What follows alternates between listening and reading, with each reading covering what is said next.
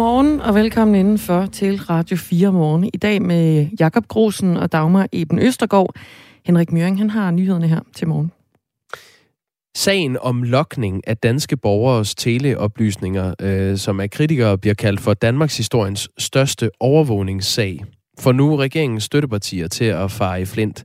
Årsagen øh, skal findes i et nyt lovforslag fra regeringen, som i de her uger behandles i øh, Folketinget, som kan gøre overvågning via teledata øh, mere vidtrækkende i Danmark.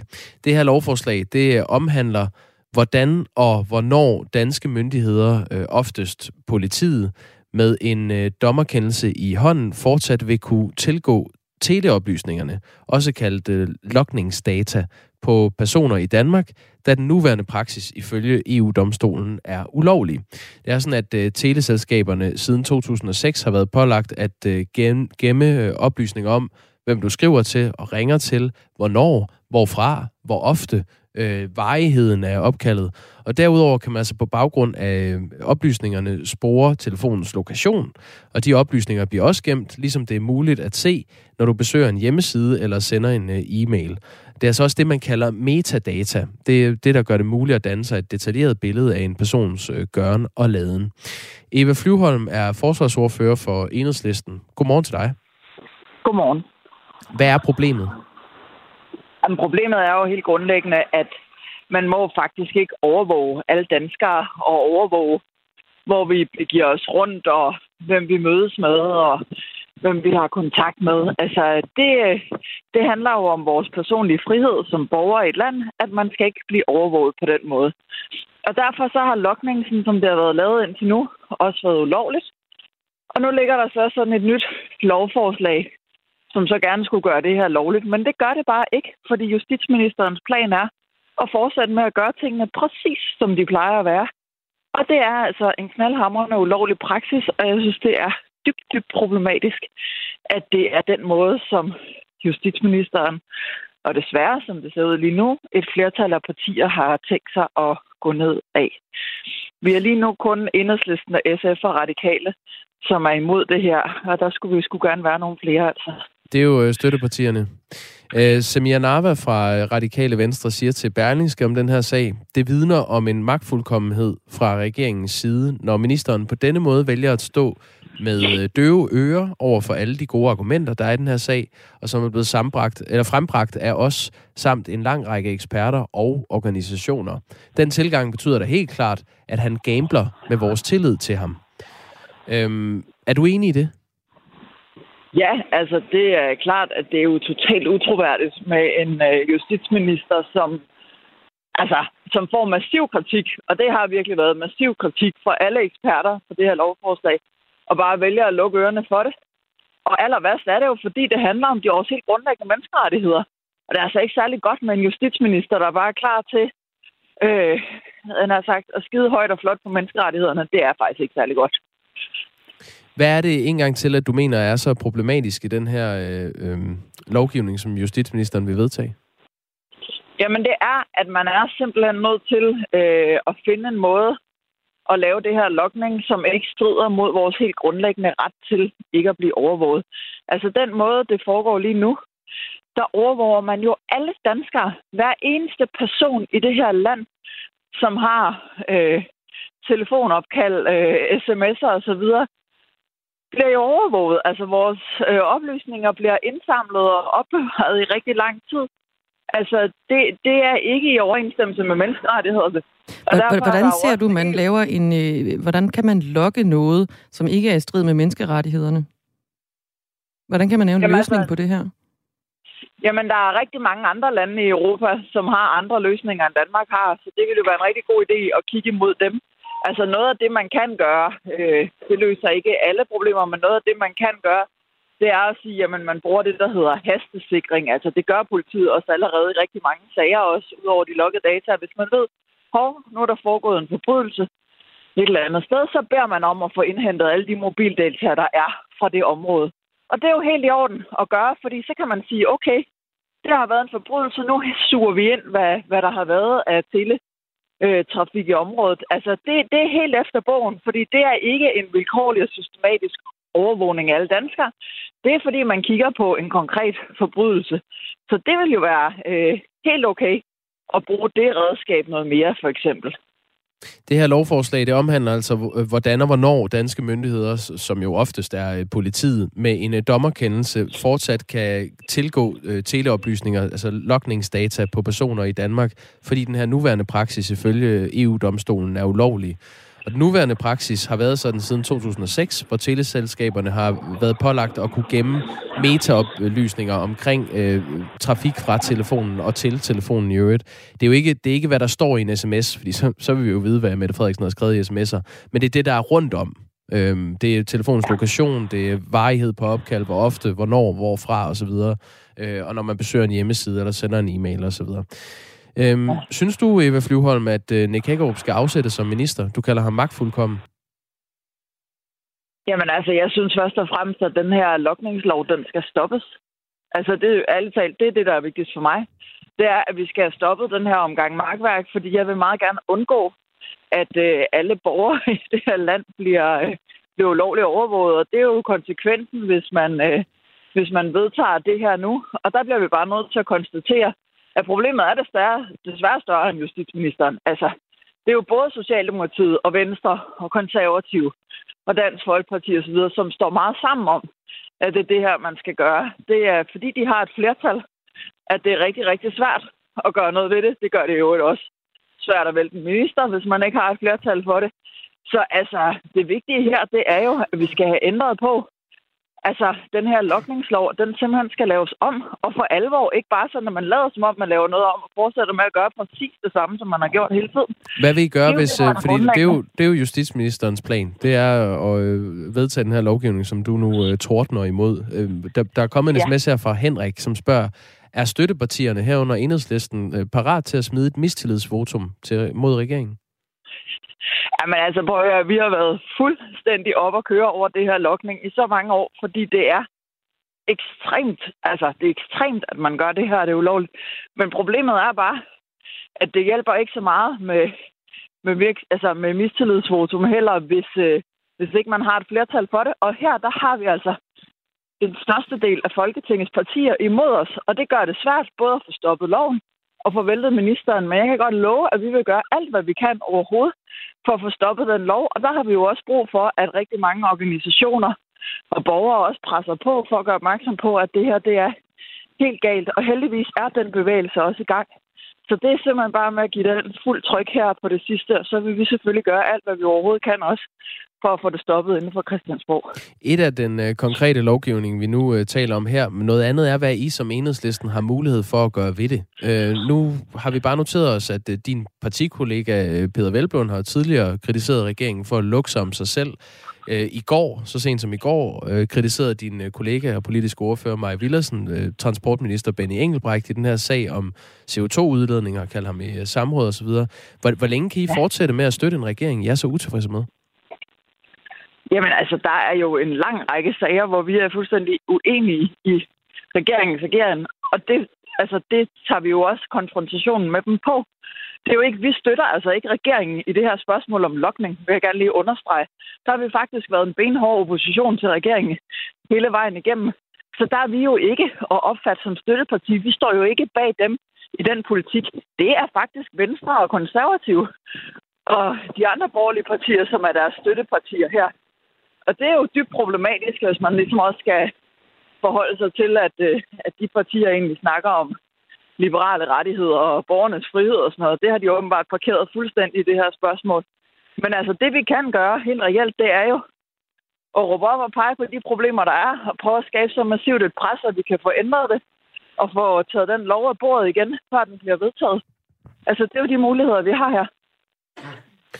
Du får lige en sidste sms her, øh, Eva Flyvholm, øh, på vej øh, videre. Det lyder som om, du er på gåben på vej mod ja, Christiansborg. Det, nej, nej, ved du hvad, ja, det er ja. morgentrafikken. Bare tak for, at ja, du har... Det var, lige, det var lige det, der kunne lade sig gøre, ja. Det er fint.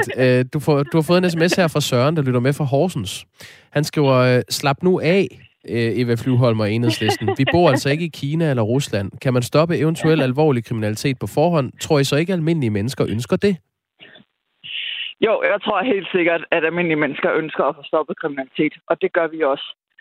vi ønsker bare at gøre det på en måde, så man ikke samtidig krænker vores helt grundlovssikrede rettigheder som borgere. For det er jo lige præcis noget af det, der kendetegner at bo i et demokrati. Det er jo faktisk, at menneskerettighederne og vores rettigheder som borgere også skal overholdes. Altså, til det skriver Erik, at du får lige en sidste sms her. Kan jeg ikke se ja. problemet, hvis man kan være med til at godkende coronapas? Det må også høre under ekstrem overvågning og indgreb i den personlige frihed. Nej, det gør det faktisk ikke, fordi coronapasset oplyser ikke, hvor øh, altså, coronapasset logger ikke oplysninger om os alle sammen. Og da vi for eksempel lavede den her app, der hedder Smittestop, øh, hvad hedder det, hvor man også kan registrere sig, om folk er coronasmittet, der var det faktisk rigtig vigtigt for os, at man lige præcis ikke skulle kunne se på den app, hvor alle folk begav sig rundt henne, og man ikke skulle kunne se på den app øh, alle folks, øh, altså kunne, man ikke skulle gemme, myndighederne ikke skulle gemme alle de informationer, der blev samlet ind om folk fordi det faktisk er vigtigt at værne om privatlivet. Så det har noget med, hvordan vi sætter vores system op på en fornuftig måde at gøre, og det synes jeg, man skal gøre, for vi har ret til at være frie borgere også i et digitalt samfund. Tak fordi du var med, Eva Flyvholm. Ja, undskyld for pustigheden. Nej, nej, det går nok. Det lever vi fint med. Man kan godt høre, hvad du sagde. Daniel skriver i øvrigt, jeg er super konservativ og liberal, men her har enhedslisten altså helt ret. Så det kan du da glæde dig over. Daniel. Det må du også gerne hilse, det må sige derinde. det er hermed sagt videre. Øh, Eva Flyvholm er altså forsvarsordfører for Enhedslisten. Hej igen.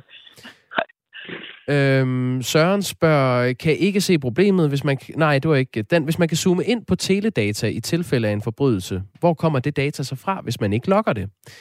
Øhm, det, det er, kommer fra teleselskaberne, som siden 2006 har været pålagt at gemme de her oplysninger. Og det er altså dem, politiet kan, kan trække på. Men der har øh, øh EU-domstolen altså erklæret den her nuværende praksis ulovlig, og der, der er så et nyt lovforslag, som enhedslisten ikke er tilfreds med. Klokken er 17 minutter over 8.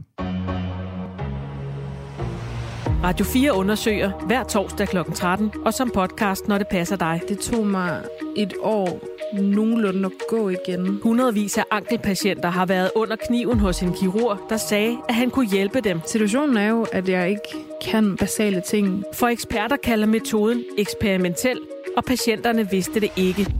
Jeg følte mig lidt som en forsøgskanin. Lyt til det kirurgiske eksperiment på Radio 4, taler med Danmark. Det har været ulovligt at køre uden hjelm på elløbehjul i præcis en måned i dag. Men allerede nu der har politiet altså mange gange stoppet folk og givet dem en bøde på 1.500 kroner. Vi har været i kontakt med alle de forskellige politikredse i landet, og her har vi altså fået tal fra størstedelen af dem. Og ifølge deres estimater, så har 195 overtrådt loven. Beskeden den er klar fra Rådet for Sikker Trafik, for det kan altså have alvorlige konsekvenser, når man ikke spænder hjelmen, når man kører på et elløbehjul. På elløbehjul, der ved vi, at risikoen for at komme alvorligt til skade, den er omkring 7-10 gange højere, end når man kører på cykel. Og vi har set rigtig mange hovedskader på elløbehjul i løbet af relativt kort tid og med relativt få brugere. Ikke? Øhm, så den aller værste konsekvens ved at køre uden hjelm, det er jo selvfølgelig, hvis man styrer og slår hovedet, fordi et hoved kan altså ikke, og en hjerne kan ikke vokse sammen på samme måde, som en brækket arm eller et brækket ben kan. Ja, det siger Pernille Elers, der er chefkonsulent i øh, Rådet for Sikker Trafik. Og nu kan jeg også sige godmorgen til dig, Jørgen Christensen. Ja, godmorgen. Politikommissær og leder af den operative færdsel i Midt- og Vestjyllands politi. I jeres kreds, der har I givet omkring 30 bøder til folk, der har kørt uden hjelm siden øh, loven den trådte i kraft den 1. januar.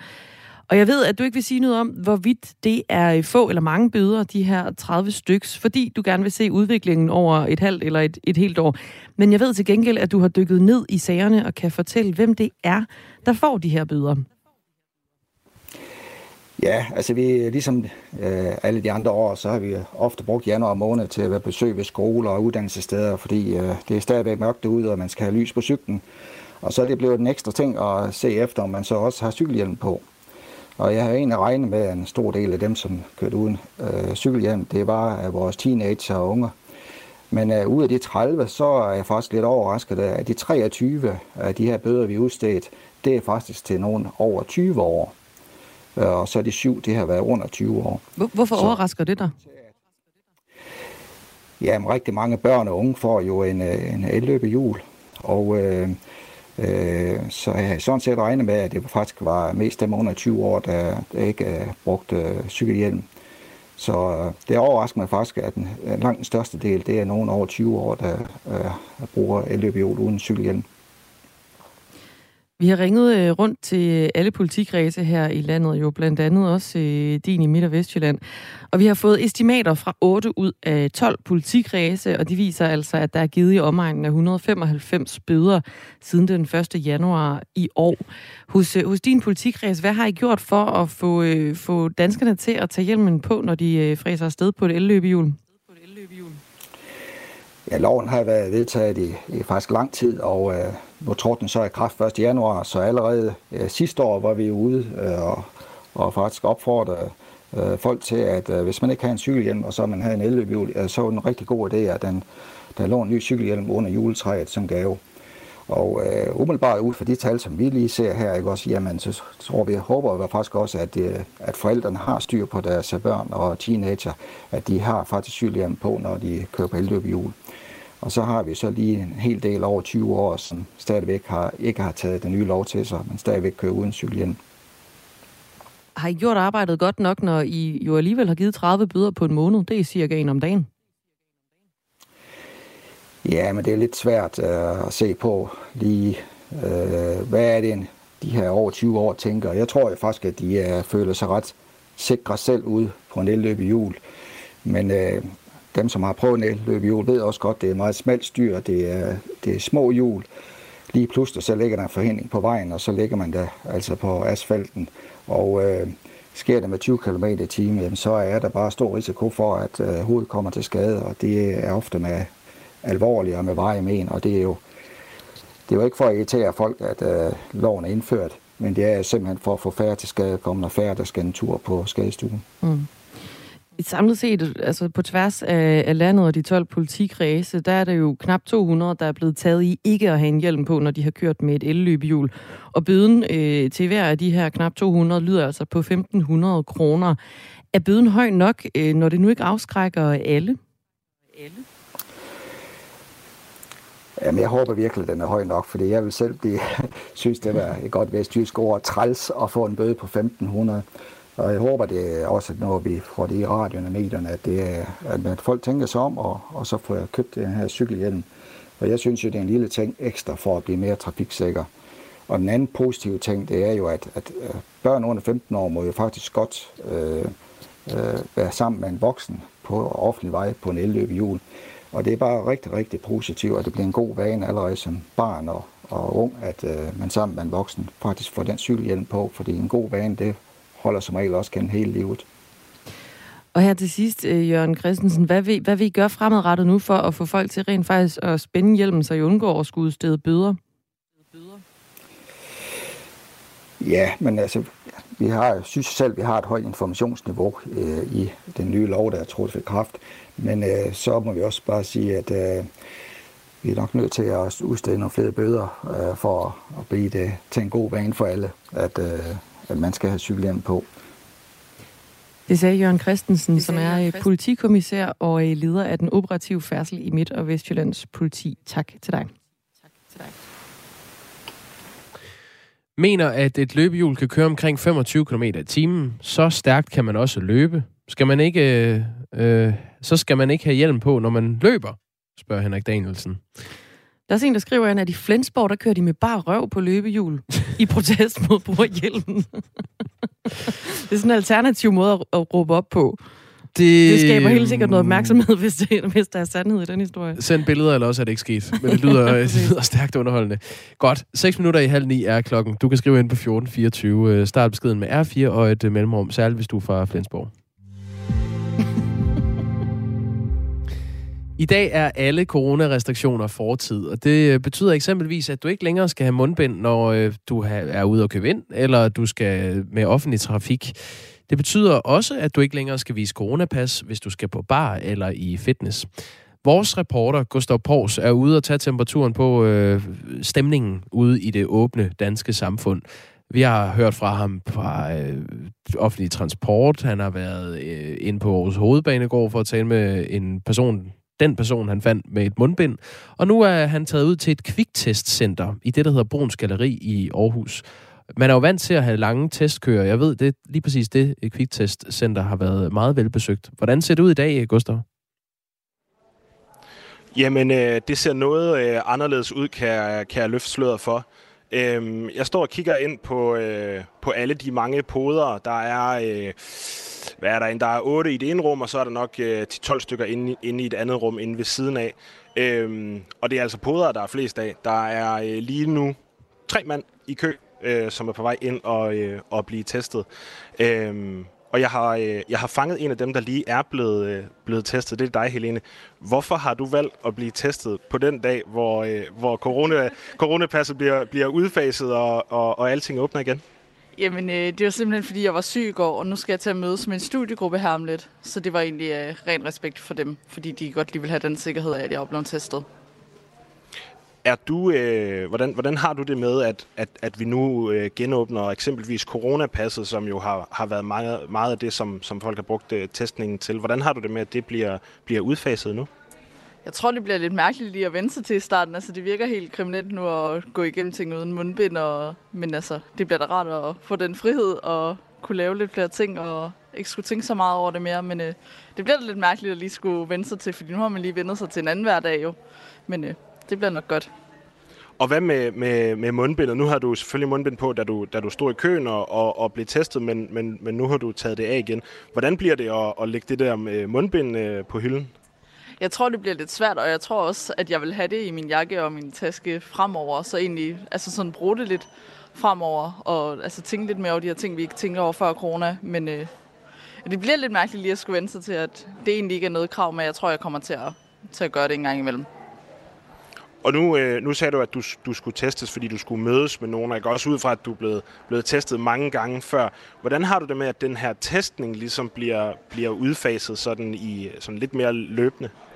Jamen, jeg var faktisk lidt i tvivl om, at jeg overhovedet kunne komme herind og blive testet. Øh, og jeg skrev med dem der i går aftes om, hvad jeg egentlig lige skulle gøre, fordi at, jo, jeg ville jo også godt testes for deres sikkerheds skyld. Øh, så det bliver da lidt mere besværligt, når man øh, ja, for eksempel bor herinde i Midtbyen, og hvis man så skal længere væk, og jeg har ikke lige en bil til rådighed, så hvordan man lige, hvordan der vil ledes, fordi der er jo nogle henseender, hvor det, det lige vil være rart at blive testet inden.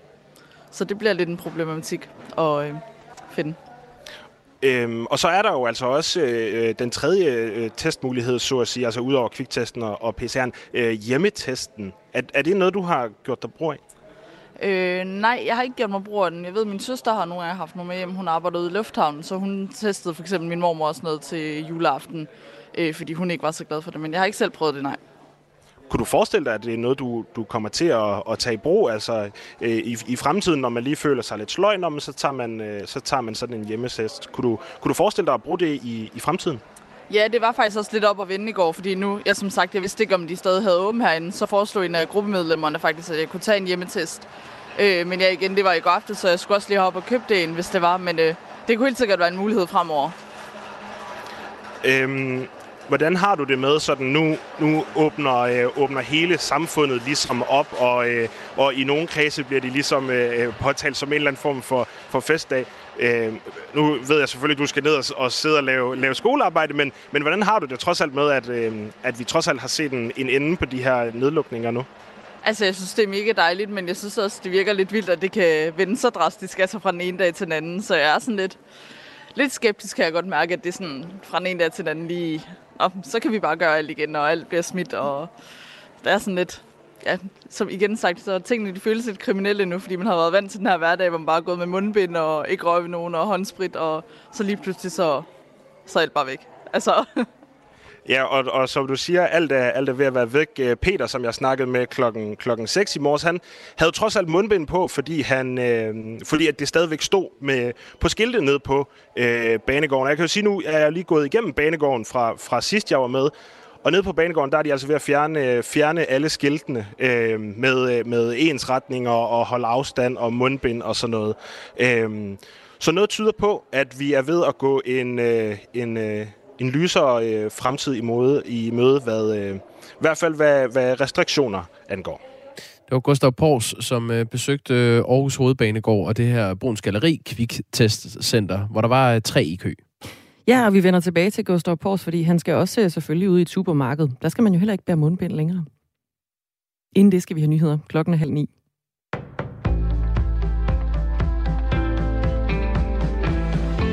Knap 200 har fået bøder for at køre uden hjelm på elløbehjul. Det er sket efter, at det for en måned siden blev ulovligt. Det fortæller Radio 4 Morgen, som har ringet rundt til landets politikredse. Omtrent 195 har overtrådt loven, og dermed fået en bøde på 1.500 kroner. Det lyder som om, det ikke er alle, der helt har forstået reglerne endnu, så øh, måske er det meget godt, at de lige har fået en lille påmindelse om, at de skal huske den her hjelm. Siger chefkonsulent i Rådet for Sikker Trafik, Pernille Elers til radioen. Risikoen for at komme alvorligt til skade på elløbehjul er 7-10 gange større end på cykel, siger konsulenten. Vi har set rigtig mange hovedskader på elløbehjul i løbet af relativt kort tid og med relativt få brugere. Ikke? Øhm, så den aller værste konsekvens ved at køre uden hjelm, det er jo selvfølgelig, hvis man styrter og slår hovedet, fordi et hoved kan altså ikke, og en hjerne kan ikke vokse sammen på samme måde, som en brækket arm eller et brækket ben kan. Så det er altså derfor, det her lovkrav kommet, det er for at forhindre så mange som muligt af de her alvorlige hovedskader, som vi desværre har set. På genåbningsdagen har epidemien toppet mange steder i Danmark. Det gælder blandt andet i hovedstaden og Region Sjælland, siger faglig direktør ved Statens Serum Institut, Tyre Grove Krause. Det ser positivt ud på den måde, at epidemikurven formentlig har toppet i slutningen af sidste uge. Øh, men derfor er der jo stadigvæk meget udbredt øh, samfundssmitte, øh, som betyder, at der stadigvæk er rigtig mange, der vil være hjemme øh, på grund af sygdom. Smitten vil formentlig stige den kommende tid i de dele af landet, hvor den har været mindre udbredt. Derfor er det fortsat vigtigt, at folk husker at holde afstand, vasker hænder og bliver hjemme ved sygdom, siger direktøren. Kategoriseringen af coronavirus som samfundskritisk sygdom er også ophørt. USA har bedt familierne til amerikanske regeringsansatte i Hvide Rusland om at forlade landet, det oplyser det amerikanske udenrigsministerium. Ordren kommer få timer efter, at diplomater fra USA og Rusland mødte hinanden i FN's Sikkerhedsråd, hvor situationen ved grænsen til Ukraine blev drøftet. Kort efter mødet gentog USA sine trusler om at indføre hårde sanktioner mod russiske oligarker, hvis Rusland invaderer Ukraine. USA anklagede også Rusland for at planlægge og opbygge sine militære styrker i Hviderusland til 30.000 soldater inden for få uger. Rusland afviser påstanden. Mindst 10 gange siden 2017 har kirkernes stifter brugt en særlig vetoret til at modarbejde vindmølleprojekter af hensyn til udsynet fra kirkerne, det skriver Information. Ifølge planloven kan stifterne nedlægge veto mod kommunale projekter, hvis en kongelig bygningsinspektør har skønnet, at det kan forstyrre udsynet til eller fra kirken. Men kirkernes stifter skal ikke have særret, mener klimaoverfører for SF, Signe Munk. Kirkernes stopklods over for vindmøller er håbløst forældet. Det er ikke nyt noget, at man i kirken kan sætte en stopklods for en vigtig vindmøllepark, der skal give grøn strøm, bare fordi man kan skimpe den ude i horisonten.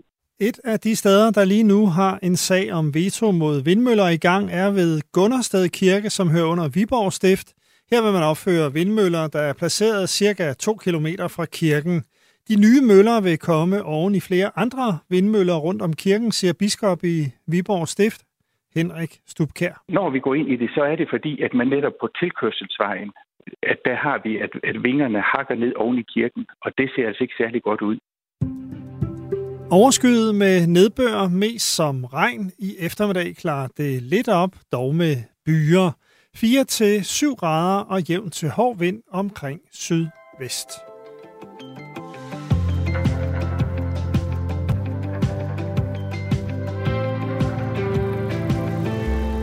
Stormen Malik blev en øh, storm i kategori 2. Man øh, opererer med øh, kategori 1 til 4. 4 er den værste storm. Og øh, Malik blev altså en toer, da den ramte det danske land i weekenden. Øh, nu skal vi høre fra Jyllinge Nordmark i Roskilde Kommune, hvor øh, Mogens Hallager var, og de var simpelthen super klar til, at Malik skulle ramme.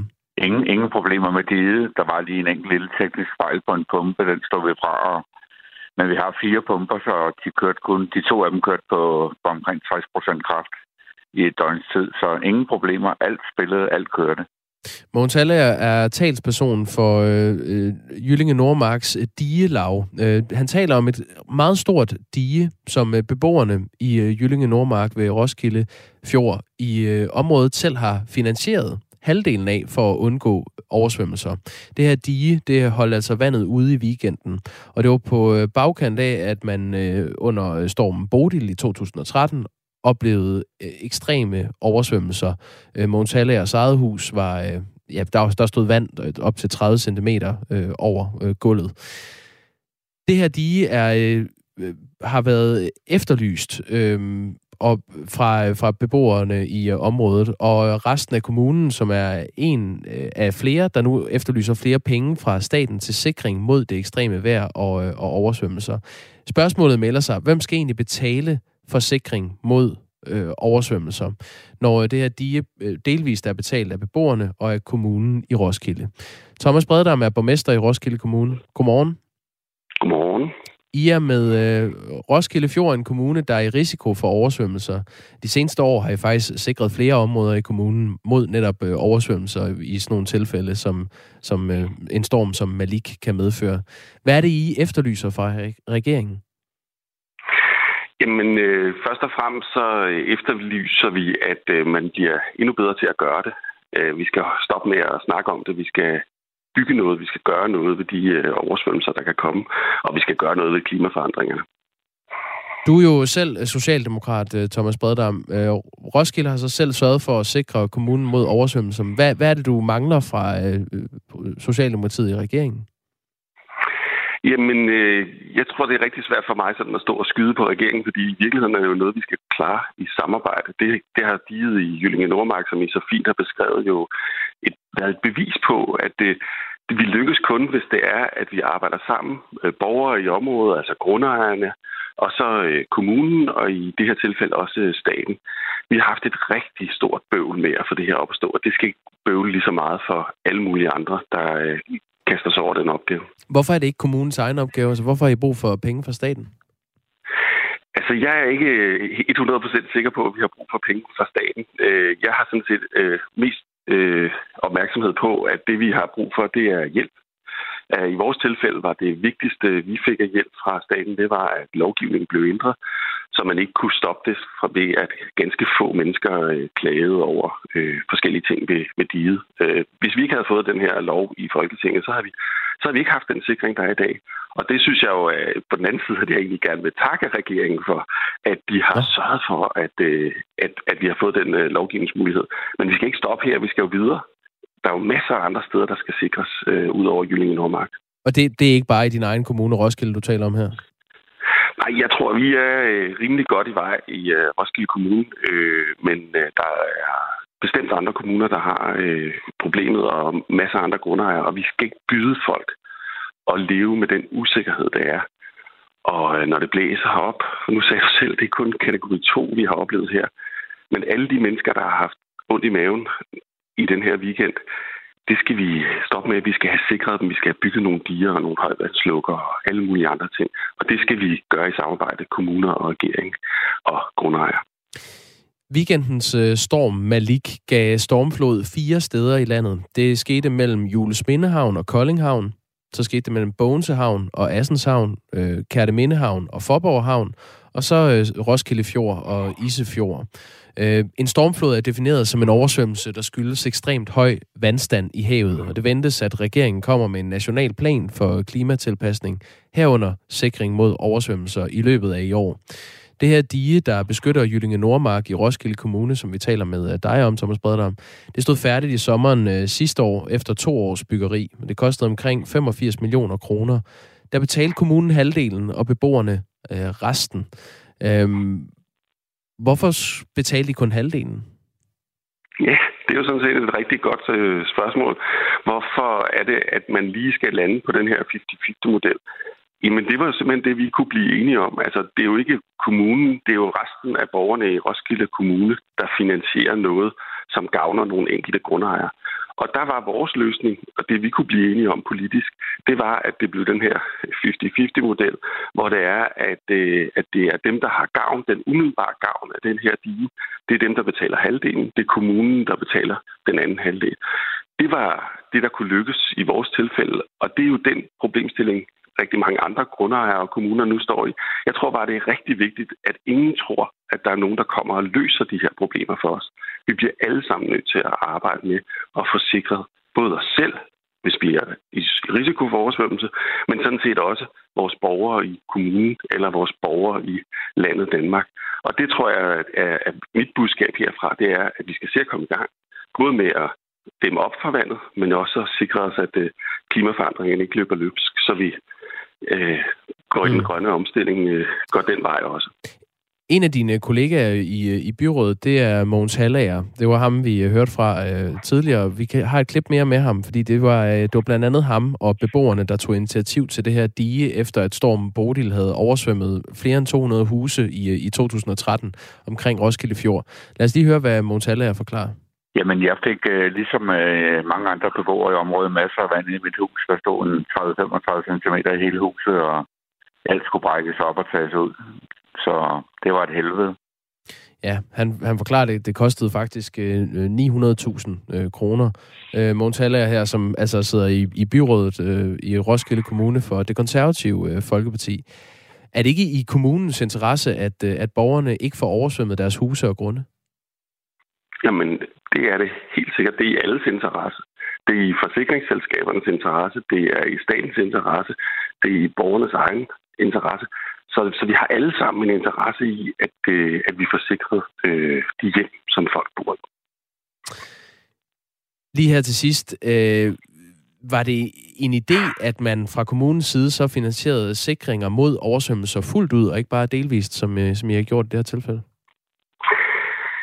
Det, er jo, det bliver sådan øh, øh, lidt teoretisk og tænkt. Altså, jeg tror, det er vigtigt, at vi alle sammen lægger noget på på øh, altså hånden på kogepladen for at få løst øh, de her brændende problemer, som vi er i, og prøver at løse dem i fællesskab. Fordi det her skal blive, og det har det været hele vejen igennem, et, et samarbejde mellem grundejere og kommune og staten. Og det kommer vi ikke udenom, hvis vi skal løse både klimaudfordringerne, men sådan set også øh, det her med det stigende vandstand. Thomas Breddam er altså social- socialdemokratisk borgmester i øh, Roskilde Kommune. Du skal have tak for, at du er med på den her historie. Jamen, jamen selv tak. Klokken er 18 minutter i 9. Du lytter til Radio 4 morgen. I dag med øh, Dagmar Eben Østergaard og Jakob Grosen i det her studie.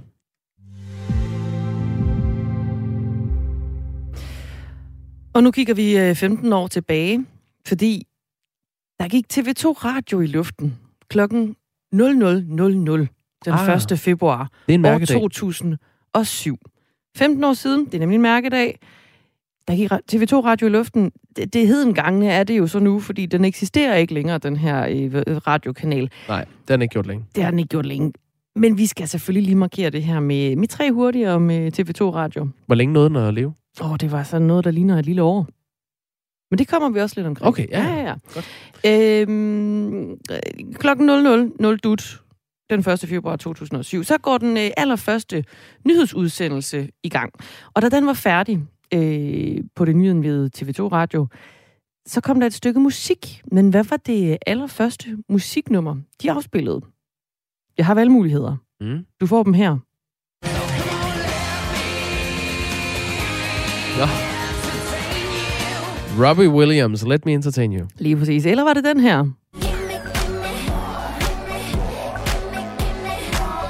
Britney Spears med Gimme More. Eller var det den her? Nå. Det er Kanye West med Stronger. Og Daft Punk sample. Mm-hmm. Ej, det må have været Robbie Williams. Det var det selvfølgelig. Ja. Så skulle der underholdes.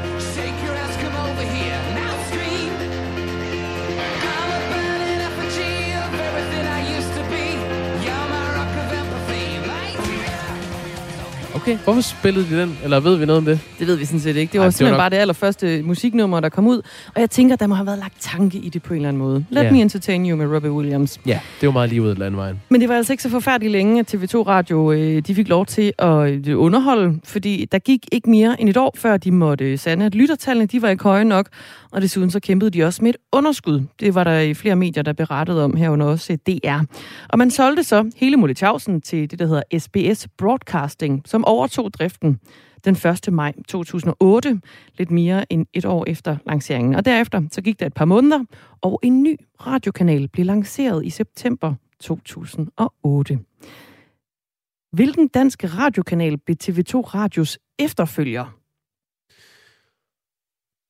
Mm. Skal du have en valgmulighed? Ja, tak. Ja, vi har øh, Radio 100 FM, Sky Radio eller Nova FM. Ej, det må have været Nova.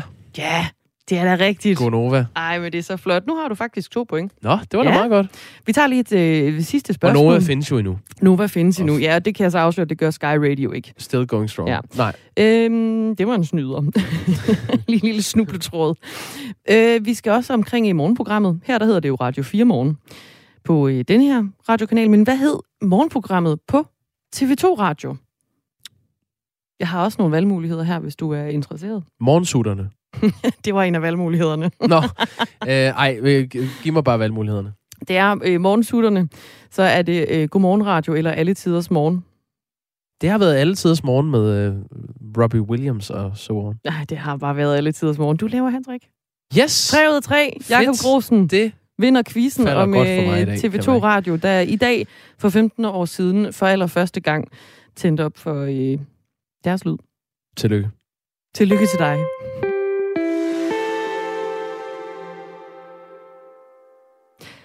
Og i dag der har det været øh, ulovligt at køre uden hjelm på elløbehjul i præcis en måned. Det er en anden slags markering, vi laver nu. Ja. Øh, og det har øh, knap et par hundrede tilfælde, øh, i knap et par hundrede tilfælde, udløst en bøde på 1.500 kroner, viser en opgørelse, som øh, Radio 4 har lavet. Men bøder for øh, manglende hjelm er det helt forkerte tiltag. Sådan lyder det fra en udlejer af elløbehjul. Og det er dig, Christian Thomasen. Godmorgen. Godmorgen. Tak fordi I var med. Selv tak. Du er Public Policy Manager i Norden for Bolt, som er sådan et selskab, der udlejer elløbehjul. Hvad mener du om, at bødeblokken den har været fremme op mod 200 gange i, øh, i forhold til elløbehjulsbrugere uden hjelm den seneste måned?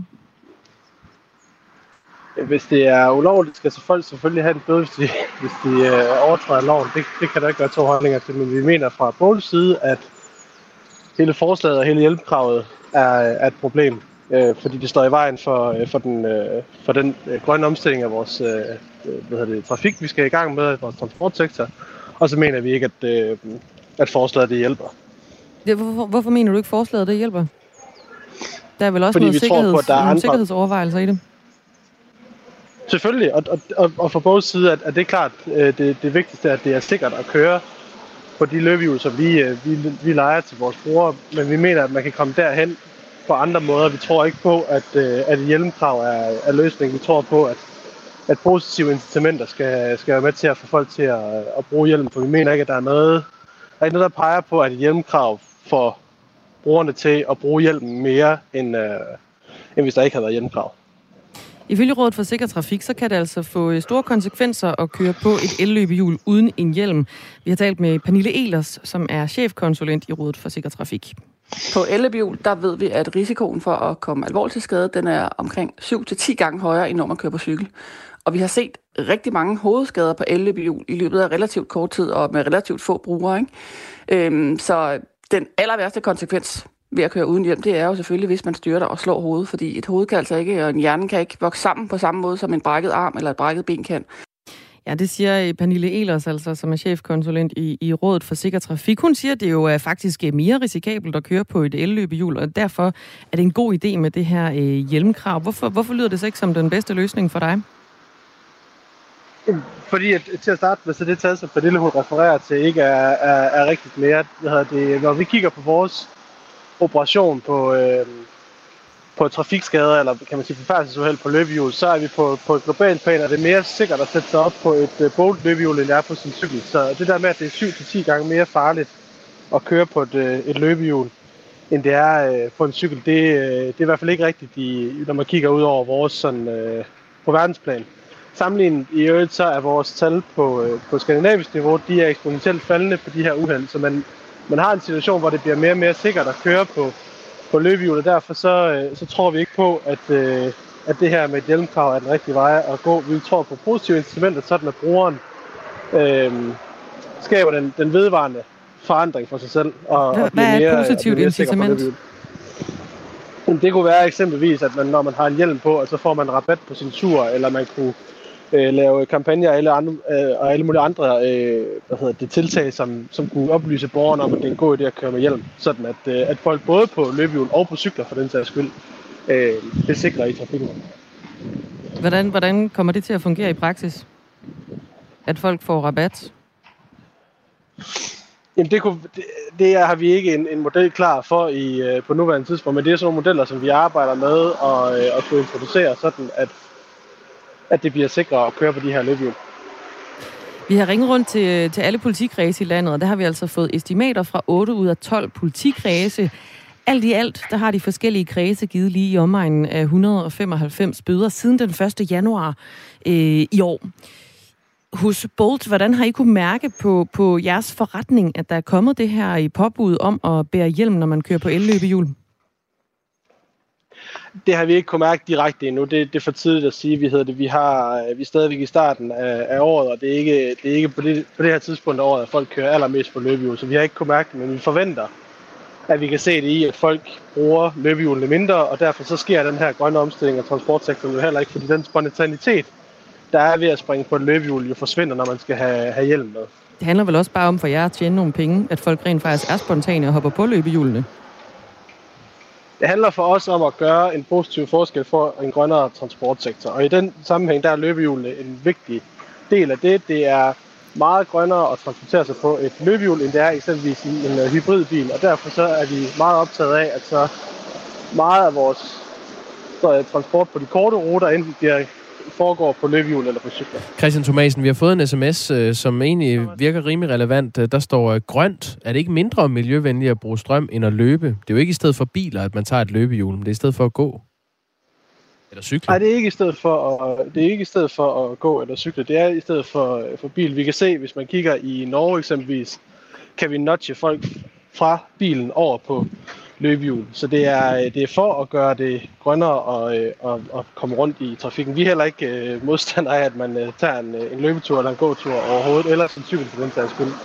Men vi kunne rigtig godt tænke os at gøre transporten grønnere for at flytte folk fra bil over på løbehjul.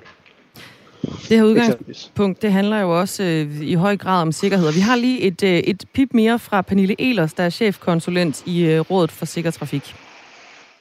Øh, de første halvandet år cirka, alene i hovedstadsområdet, der opgjorde akutberedskabet, eller hovedstadens beredskab, at der var 350, der kom til skade på elløbehjul, og cirka hver fjerde af dem havde fået en hovedskade. Hver fjerde ud af 350 havde altså fået en, løbe, en, øh, en hovedskade øh, i løbet af det første halvandet år, hvor, hvor vi havde øh, elløbehjul i Danmark. Christian Thomasen, Public Policy Manager i Norden for Bolt, som altså udlejer de her elløbehjul. Set i lyset af det og de her alvorlige hovedskader, så bør man vel bære hjelm på et løbehjul, når det er en ud af fire, der får hovedskader? Vi er heller ikke uenige i, at man bør bære hjelm. Vi mener, at et hjelmkrav er en forkert vej at gå til at opnå det, man gerne vil, nemlig sikre, sikre brugerne i trafikken. Vi tror ikke på, at altså, der er ikke, fordi at det er et krav til hjelm på, forhindrer det jo ikke folk i at, at lade være med at bruge den. Så, så, så vi, vi tror på, at vi skal et andet sted hen. Det er, det er nogle andre metoder, der skal til for at få folk til at bruge hjelm i højere grad, så de bliver mere sikre på løbehjulene eller på cyklerne. Hvorfor ikke være med til at skubbe på den udvikling og gøre det til et krav? Hvorfor er det så ikke en god idé? Vi er også, vi er også, vi er også med til at skubbe på udviklingen. Vi investerer massivt i, i sikkerhedsinnovationer på vores, på vores løbehjul, så det bliver mere sikkert at køre på dem. Så det er ikke fordi, vi ikke skubber på. Vi mener bare ikke, at det skal være et krav fra statens side, at man skal bruge en hjelm, når man eksempelvis ikke skal bruge det på cykler eller øh, ja, på elcykler for den sags Den sikkerhed, I investerer i, er det noget, som beskytter hovedet?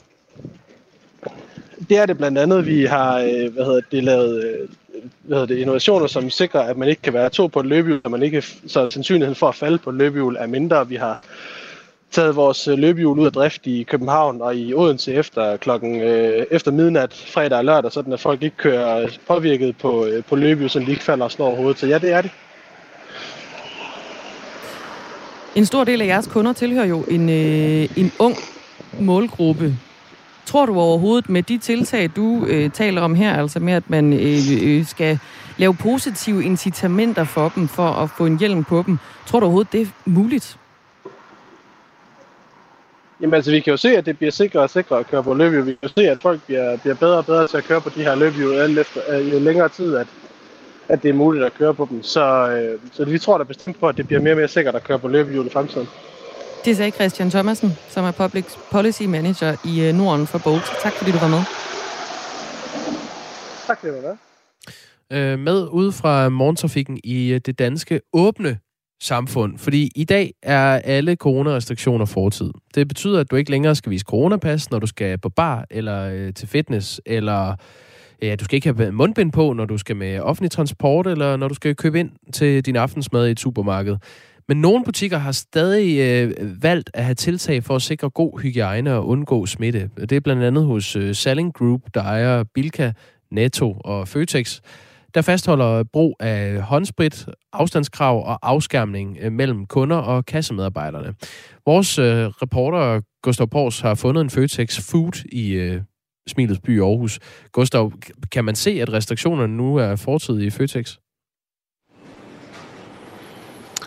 Ja, det, det vil jeg sige, det kan man godt. Øhm, fordi de øh, kunder, der kommer ind og ud af døren, jamen øh, det er de færreste af dem, der, der trods alt har mundbindet øh, på. Men når man så kommer ind øh, i butikken her, så øh, dels at der dufter af, af croissanter og alt muligt andet øh, lækkert for sådan en morgenreporter som mig, så kan man altså også godt se, at de her øh, store plastikskærme, der hænger fra, øh, fra loftet øh, foran kassen, de trods alt stadigvæk hænger her, og man bliver også mødt af en... Øh, en håndsprits øh, dispenser, lige når man øh, kommer ind. Jeg står her med, med Rasmus Bertelsen, som er varehuschef her i, øh, i Føtex på MP Brunsgade. Hvorfor har I valgt trods alt at, at holde ved nogle af de her tiltag? Jamen, vi har, haft, vi har valgt at holde fast, fordi at, det har gjort øh, vores medarbejdere trygge, øh, kunderne trygge ved, at de kan spritte af, når de kommer ind. Så derfor så fastholder vi selvfølgelig stadigvæk den her tryghed. Smitten er stadigvæk høj i samfundet, så øh, det er en god løsning. Men det er jo trods alt øh, myndighederne, der har, der har valgt at, at, at åbne og sige, at det, det er okay, at, øh, at vi lægger de her ting på hylden. Hvorfor er det så, I, I vælger at fortsætte med det øh, trods alt? Vi har nogle medarbejdere, vi skal passe på, øh, så de ikke bliver ramt af smitte. De har også noget familie. Vi har rigtig mange mennesker igennem. Så, så muligheden er der for, at de også bliver ramt. Så derfor så vælger vi at holde fast. Hvordan tror du, at kunderne kommer til at tage imod øh, de her øh, tiltag, som, som stadigvæk øh, er her? Jamen, kunderne har set det som en del af deres dagligdag, og spritter stadigvæk af, og også har gjort det her til morgen. Så øh, jeg forventer egentlig, at, at de ser det som et positivt, at, at vi holder en høj hygiejnestandard stadigvæk. Kan man, øh, kan man i virkeligheden tale om, at, at det har været, ja, corona har ikke været godt for nogen, men, men at nu kan I trods alt blive ved med at have de her ting på, fordi at der ligesom har været corona, folk holder mere afstand. Er det i virkeligheden godt for, for en butik som jeres? Jamen, det har jo sat en ny standard for hygiejnen, og, og for og at vi husker at spritte af og sådan nogle ting, når vi kommer ind og holder afstand til hinanden i, i køen. Vi har ikke vareadskiller mere, som vi havde tidligere. Folk har lært at holde øh, afstand til hinanden, når de står i kø stadigvæk. Så, så det har helt klart gjort noget godt, hvis man skal sige det på den måde.